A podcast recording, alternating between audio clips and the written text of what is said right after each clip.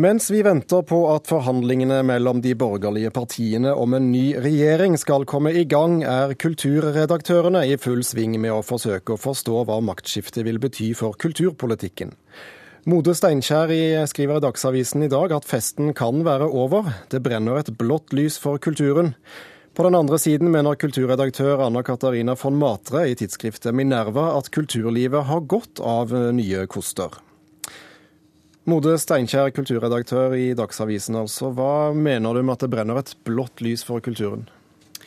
Det er helt klart at vi får et skifte. Eh, det er tidlig ennå å si egentlig hva det vil bestå i. Ikke vet vi hvem som blir ny kulturminister, ikke vet vi hvilken kulturpolitikk vi får, og ikke vet vi heller hvilket eh, parti som får departementet og ministeren. Eh, det jeg tror, og de varslene som har kommet, er jo at en større privatisering av kulturlivet Eh, kutt i eh, enkelte, på enkelte felt, f.eks. både pressestøtten og musikkordningene, vil føre til en utflating og en, en ødeleggelse av mye av det kulturlivet som har blitt bygd opp gjennom åtte år med Kulturløftet. Så selv om vi vet lite foreløpig, så er det grunn til frykt? Det er grunn til frykt hvis Frp, Fremskrittspartiet, får stor innflytelse i de forhandlingene som nå kommer, i forhold til hva kulturlivet skal bestå av. Eh, nå har jo kultur, eh, Fremskrittspartiet sagt at de ikke er spesielt opptatt av kultur. Samtidig så er det en del felt innenfor kulturlivet som er symbolsaker for Frp. Og jeg er redd for at det, når kompromissene skal legges på bordet, kan gå utover det kulturlivet vi ser i dag. Anna Katarina von Matre, kulturredaktør i tidsskriftet Minerva. Hvor mye frykt, frykt er det grunn til å ha for eh, Mode Steinkjer og, eh, og kulturlivet? Ehm, jeg tror ikke det er så veldig mye å frykte. Eh, kulturbudsjettene de siste årene har ligget veldig jevnt mellom alle partiene på Stortinget, med unntak av Frp, selvfølgelig. Men de har også jekket opp sine budsjetter de siste årene betraktelig. Um, og så er det sånn at Frp sin politikk er også preget av noen sånne populistiske soloutspill. Uh, F.eks. Uh, at biblioteker skal uh, bli en betalingsvirksomhet. Det uh, gjør de jo klart i sitt partiprogram at de ikke vil. Um, og så er det noen oppsider og nedsider med, med Frp sin politikk. Uh, Oppsiden er gjerne den respekten for folk sin smak som de har, som eh, eh, sammen med en høyrepolitikk kanskje kan føre til at man legger vekk dette målet om at eh, alle på død liv skal gå i operaen eller i teateret. Men nedsiden kommer selvfølgelig dersom det fører til eh, det som Modi Steinkjer frykter, altså popkonserter i operaen, statsstøtte til countryband og sånne ting. Men det skal sies at en sånn politikk ligger jo mye nærmere Arbeiderpartipolitikk enn Høyre, Venstre og KrF. For Arbeiderpartiets politikk de siste årene har dyrket begivenhetskulturer, pop, jazz, kulturhus, eh, fremfor eh, lokalkultur eh, og eh, biblioteker. Du sier til Aftenposten i dag at eh, kulturlivet kan ha godt av eh, borgerlige koster i Kulturdepartementet. Hva mener du med det? Én ting er jo at det er bra med et skifte fordi alle penger medfører makt, også offentlige penger. Og hvis en borgerlig regjering er det som skal til for å få kulturlivet maktkritisk igjen, eh, så er det veldig strålende. Um, og så tror jeg at de har, eh, de har noen veldig gode poenger. F.eks. mer private penger i kulturlivet, som jeg vet at du er skeptisk til. Eh, men som i veldig stor grad er det som er med på å bygge mangfold i kulturlivet i dag. Vi har fritt ord på litteraturfeltet. Vi har eh, Astrup Fearnley-museet. Eh, og det er jo i stor grad private donasjoner som har bygget de mest folkekjære delene av kunstmuseene sine samlinger. Er det penger dette handler om, først og fremst? Nei, Jeg tror ikke det handler om penger. Og som jeg skriver i Dagsavisen i dag, så tror jeg ikke at uh, overføringene til kultur kommer til å bli svekka i årene som kommer. I hvert fall ikke betydelig. Men det vil være forflytninger i dem som kan få ganske store utslag.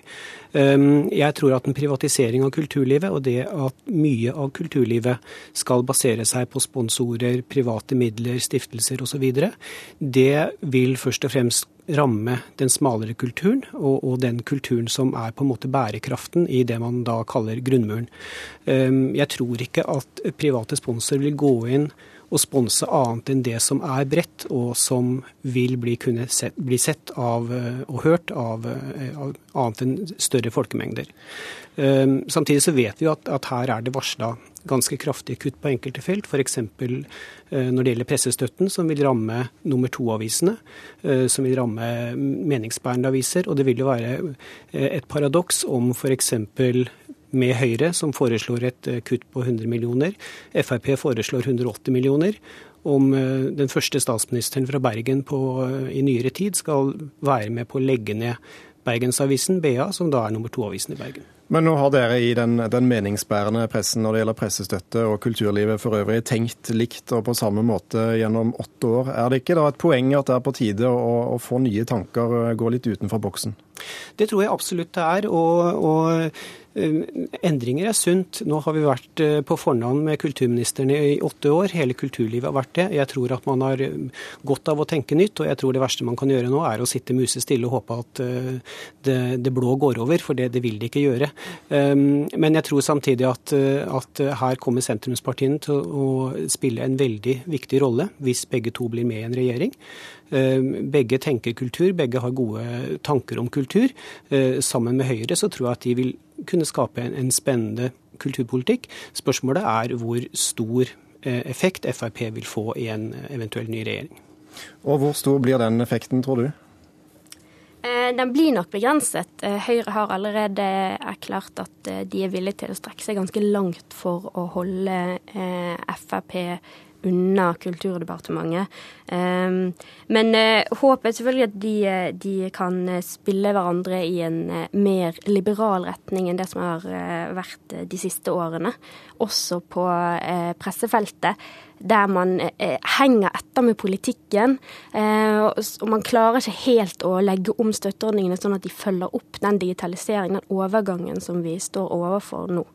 Uh, og da, der tror jeg nok at Høyre er villig til å leite ganske lenge for å finne gode løsninger. De vil nok ikke ha f.eks. Eh, verken Dagsavisen eller Bergensavisen eh, sin skjebne eh, å avslutte den. Eh, men at det kan gå med noen aviser i den overgangen, det, det er jo ikke overraskende uavhengig av hvilken eh, politikk som føres. da.